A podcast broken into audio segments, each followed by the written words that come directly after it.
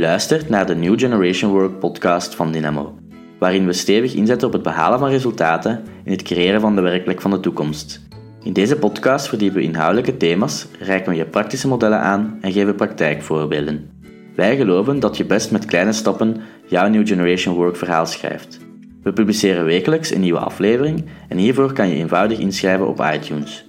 De inhoud kan je in een handige samenvatting steeds op de website dynamo.be downloaden. Veel luisterplezier! Welkom beste luisteraar bij een nieuwe aflevering van de podcast New Generation Work. Ik zit hier vandaag opnieuw met Wim. Dag Wim. Dag Kenny. Ja. En we gaan het vandaag hebben over consultantvaardigheden. Ook iets wat dat heel belangrijk is voor mij, want zoals de luisteraar al weet ben ik momenteel aan de slag als functioneel consultant. En het is ook een echt actueel thema op het moment, nietwaar? Ja, ja. Misschien, misschien leuk om te weten, ik las enkele dagen geleden een passage in Lalou's boek Reinventing Organizations. En hij sprak daar over dat hiërarchisch leiding geven, dat dat stilaan meer en meer vervangen wordt door adviesvaardigheden of consulting skills. En ik volgde ook jouw opleiding consulting skills en daar, ja, je had daar iets heel interessants over te zeggen en ik denk dat het voor de luisteraar ook wel eens tof is om daar dat, dat ook te horen. Ja, wel, ehm, dat, is, uh, dat, dat is goed dat je die passage eigenlijk ook uh, aanhaalt. Uh, omdat um, je kunt consulting skills plaatsen in een professionele context. Je hebt zelf op jouw titel staat ook consultant als, als, als beroep. En zo zijn er ook meer en meer mensen dat, die, die, die die taak eigenlijk hebben. Um, maar adviesvaardigheden is eigenlijk een skill die naar de toekomst toe, als je dat plaatst binnenin New Generation Work, die volgens mij ook meer en meer gezocht gaat worden. En Lalou beschrijft daar um, dat als je een hiërarchische organisatie vervangt, het beslissing nemen van bovenaf, hoe moet je dan gaan werken als jij die beslissing in de organisatie toestaat? En um, ik leg dan vaak eigenlijk uit hoe, je, um, hoe zwermen werken. Ik weet niet of je, ken je een zwerm van vogels? Ik weet niet of ja. dat je eigenlijk, je hebt dat al eens gezien. Ja, ja inderdaad. Ja, de, de, de, het mooie aan zo'n zwerm is zo, ja, die vliegen, um, het lijkt eigenlijk chaos te zijn, maar toch is het heel mooi en gestructureerd. Ja? Ja. Dus die combinatie van die twee. En dat is eigenlijk um, maar twee principes waarmee het vliegen in zwerm, waarmee dat, dat werkt. Het ziet er heel complex en chaotisch uit, maar eigenlijk is het maar gebaseerd op twee regels. Ja, en welke zijn dat dan? Wel, de eerste regel is eigenlijk heel simpel. Je vliegt en je volgt de vogel die voor jou vliegt. Mm-hmm. Dus je moet volledig vertrouwen op diegene die voor jou vliegt. De tweede regel is, diegene die helemaal vooraan vliegt, dat is, daar wordt eigenlijk, die wordt afgelossen wanneer die eigenlijk tekenen van vermoeidheid toont. En die gaat daalt dus terug in de organisatie. Ja, dus, dus de leider dan. Ja. Wel, ja, maar dat is niet de leider zoals wij dat zien. Want dat is eigenlijk de fout. Dat is diegene die vooraan vliegt, ja, die wordt gevolgd, maar dat is niet echt de leider. Want die doet dat ook tijdelijk. Ja. En die leidt even en dan wordt hij eigenlijk al vervangen. Dus dat gebeurt ook bliksemsnel. Dus dat is niet dat hij altijd voor alles de leider is. Ja. Als je dat nu eigenlijk brengt, hè, en dat is wat Alou daarover heeft, over, over adviesvaardigheden, die twee regels waarmee je een organisatie in een bepaalde richting kunt sturen, is eigenlijk ook heel simpel. Is, stel als je een beslissing neemt over een bepaald team, dan moet je het team, dat is regel 1, moet je het team daarbij betrekken bij die beslissing.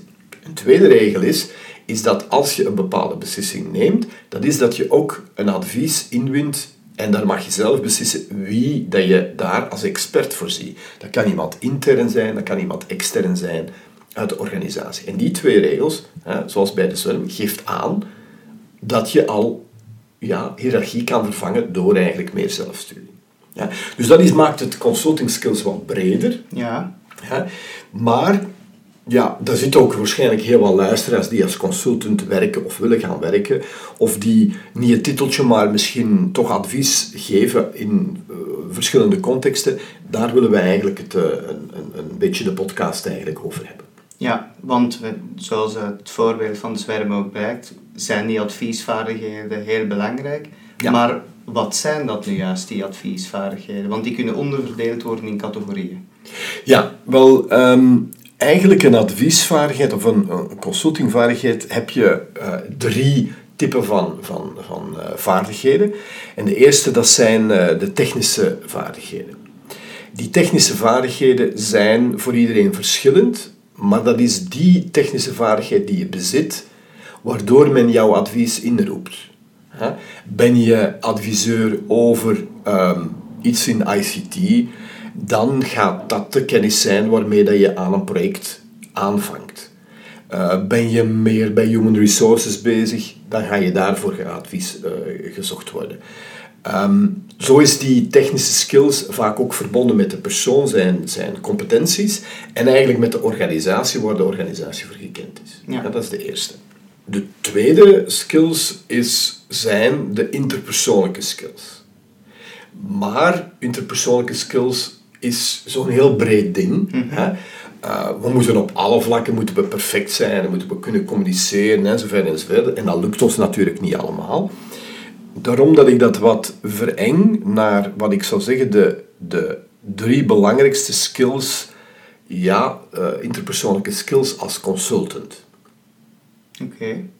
En daar is ook een soort model voor dan toch dat, we ontwikkeld, dat er ontwikkeld is? En dat Ja, model is misschien wat breed gezegd, maar om, een, om u te aan herinneren wat Ja. het is, hè, zeg ik daarvan, oké, dan moet je de drie B's moet je, moet je eigenlijk onthouden. Ja, nu weet ik het terug, ja. Ja. Waarvan dat de eerste B beslissen is. Ja, ja. Ehm, beslissen is eh, belangrijk om in jouw organisatie, waar dat je mee gaat werken, waarom dat zij u, u vragen, uw advies, is vaak omdat zij ehm, twijfelen over de beslissing die ze eigenlijk moeten nemen en de richting die ze moeten uitgaan.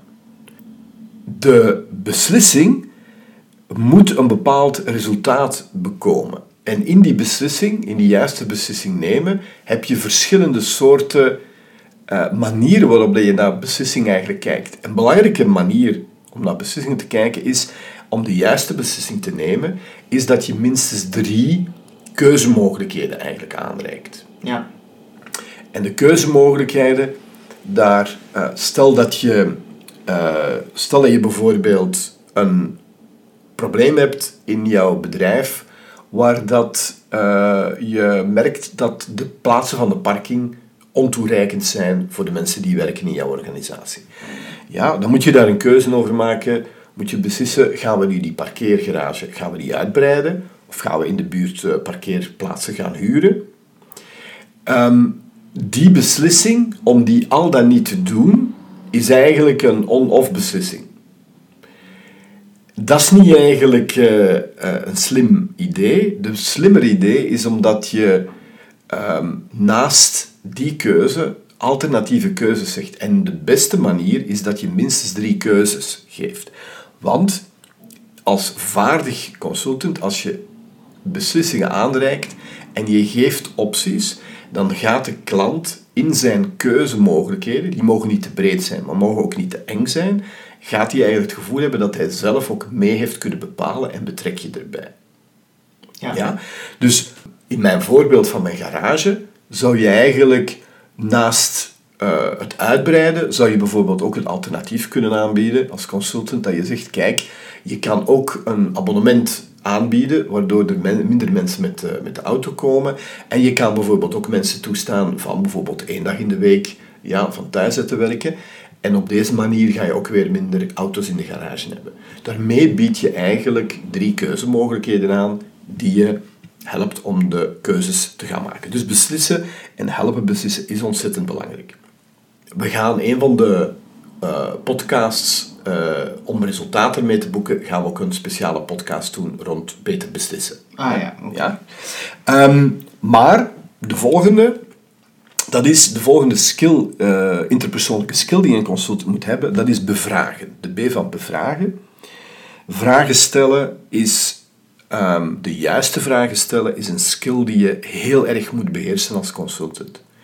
Omdat, ook al vraagt men aan jou om te adviseren, toch ga je merken dat soms mensen al zelf beslist hebben wat ze het liefste willen doen en eigenlijk jouw advies inbinnen. Ja, dus dat is eigenlijk een beetje een rare situatie. Men betaalt jou en men vraagt jouw advies en eigenlijk wil men iets anders doen. Dus je moet op een of andere manier in staat zijn om mensen te kunnen bevragen. Want soms door de vragen te stellen gaan mensen zelf gaan nadenken over iets en antwoorden formuleren. Die blijven veel langer hangen dan dat je eigenlijk het advies zelf zo geeft. Het moeilijke aan vragen stellen vind ik soms, vanuit mijn eigen rol als consultant dan, is dat wanneer je een vraag stelt, of zeker wanneer je meerdere vragen stelt, dat je daarmee ook een soort van incompetentie afstraalt op vlak van de klant, omdat er van een consultant soms misschien ten onrechte, maar wel verondersteld wordt om te antwoorden impact te hebben en daarom misschien dat de vragen minder ja, ja, ja, ja, ja, ja. Nou, dat is een, eh, dat is een terechte opmerking. Ehm, de, de, het is niet omdat je vragen stelt dat je incompetent overkomt. Het is juist, dat is de mythe, het is juist als je de juiste vragen stelt en ook een kader geeft waarom je die vragen stelt, mhm. dat je eigenlijk competenter overkomt. Dus als je ehm, een vraag stelt omdat je eigenlijk zekerheid wilt hebben dat je de situatie goed begrepen hebt en uitlegt dat je nadien, na die vragen, een beter beeld gaat vormen, of een beter beeld hebt, dan ga je eigenlijk meteen een verklaring geven waarom dat je die vragen stelt. Ja. Uh, als je vragen stelt, en dat is misschien uh, naar de laatste B gegaan, als je vragen stelt omdat je op een of andere manier iets wilt benoemen, uh, door bijvoorbeeld een reflecterende vraag te stellen, benoem je iets. Ik ga een voorbeeld geven. Stel dat je Stel dat je merkt dat iemand waar je advies moet uh, aangeven, ehm, dat die zich minder betrokken voelt bij dat project. Grote projecten kan soms zijn dat je een klant hebt die wil dat iedereen daar advies rond krijgt, maar dat niet iedereen dat advies wil. Dat sommige mensen denken van ja, maar mijn manier is beter of ik doe het eigenlijk op, op, op, op de vroegere manier. Ja, dat is heel herkenbaar waarschijnlijk. Ja. En dan, ehm, dan, als je een reflecterende vraag stelt, reflecterende vraag, daarmee bedoelen we een vraag waarmee je reflecteert op wat er al gezegd is, dan kan je het beter benoemen. Dus stel dat iemand zegt, um, goh, ik heb eigenlijk nu weinig tijd om... Uh, uh, om met jou hier uh, over aan tafel te zitten. En nogthans is die afspraak al langer geboekt dan kan je daarmee dat gaan benoemen. Je kan meteen zeggen van, oké, ik merk dat je daar nu weinig tijd voor wilt vrijmaken. En dan wacht je. Ik heb niet meer gezegd dan dat. Ik heb ook niet een waardeoordeel gegeven, maar ik heb eigenlijk gewoon benoemd wat ik eigenlijk vaststel. Door die pauze te houden, kan ik daarmee de, de klant ja, of, of de persoon waar ik in gesprek ben, kan daarmee eigenlijk antwoorden en uitleg geven waarom dat, dat zo is. Ja. Ja, en op die manier benoem je eigenlijk wat een soort van ehm, weerstand is die mensen kunnen, die mensen kunnen, uh, kunnen hebben zonder dat ze die zelf eigenlijk benoemen. Ja, dus dat is eigenlijk een hele tactvolle en elegante en een open manier om en, en ja, waarmee je zeker niemand schoffeert, want je laat het eigenlijk heel open en je legt de bal in het andere kamp dan. Ja, ja, ja. want de bedoeling van, die, van het benoemen is eigenlijk om de betrokkenheid te verhogen en niet te verlagen, doordat je eigenlijk gaat schofferen. Dat is natuurlijk een lastige.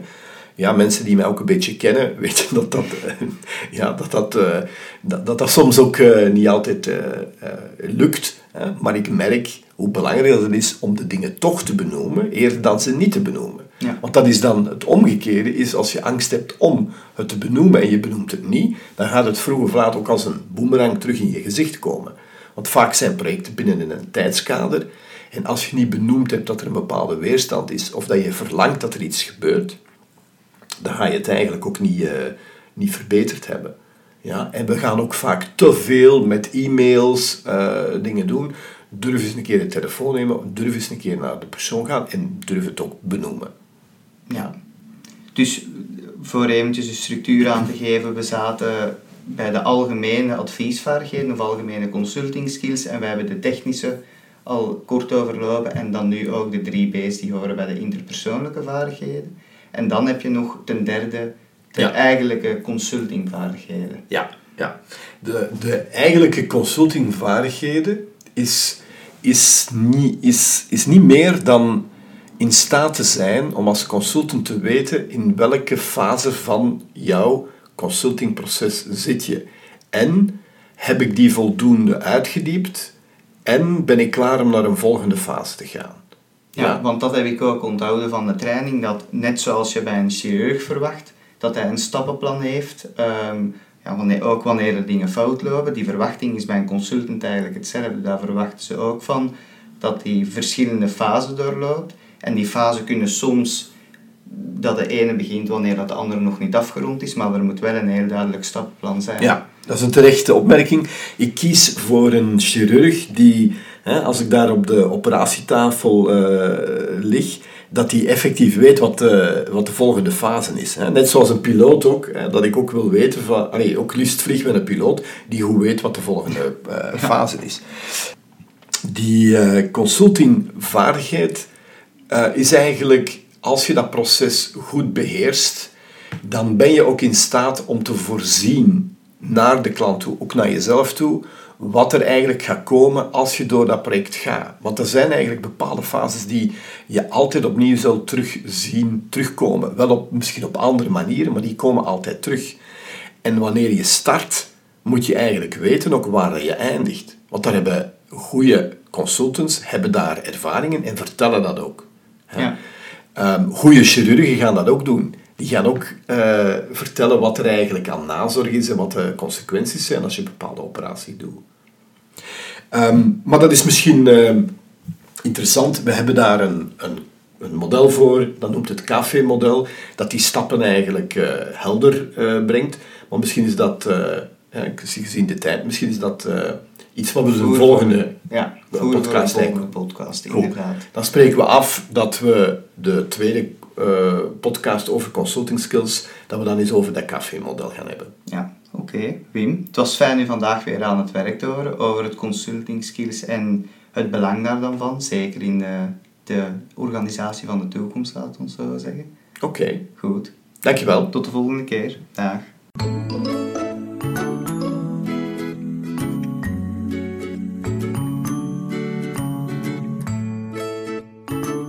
Deze podcast wordt mogelijk gemaakt door Dynamo.be, partner voor training, coaching en organisatieontwikkeling. Dynamo helpt organisaties, teams en individuen om de betere werkplek van de toekomst te creëren. Voor meer opties kijk op jobcrafting.info, schoolforrecruitment.be of sliminterviewen.be.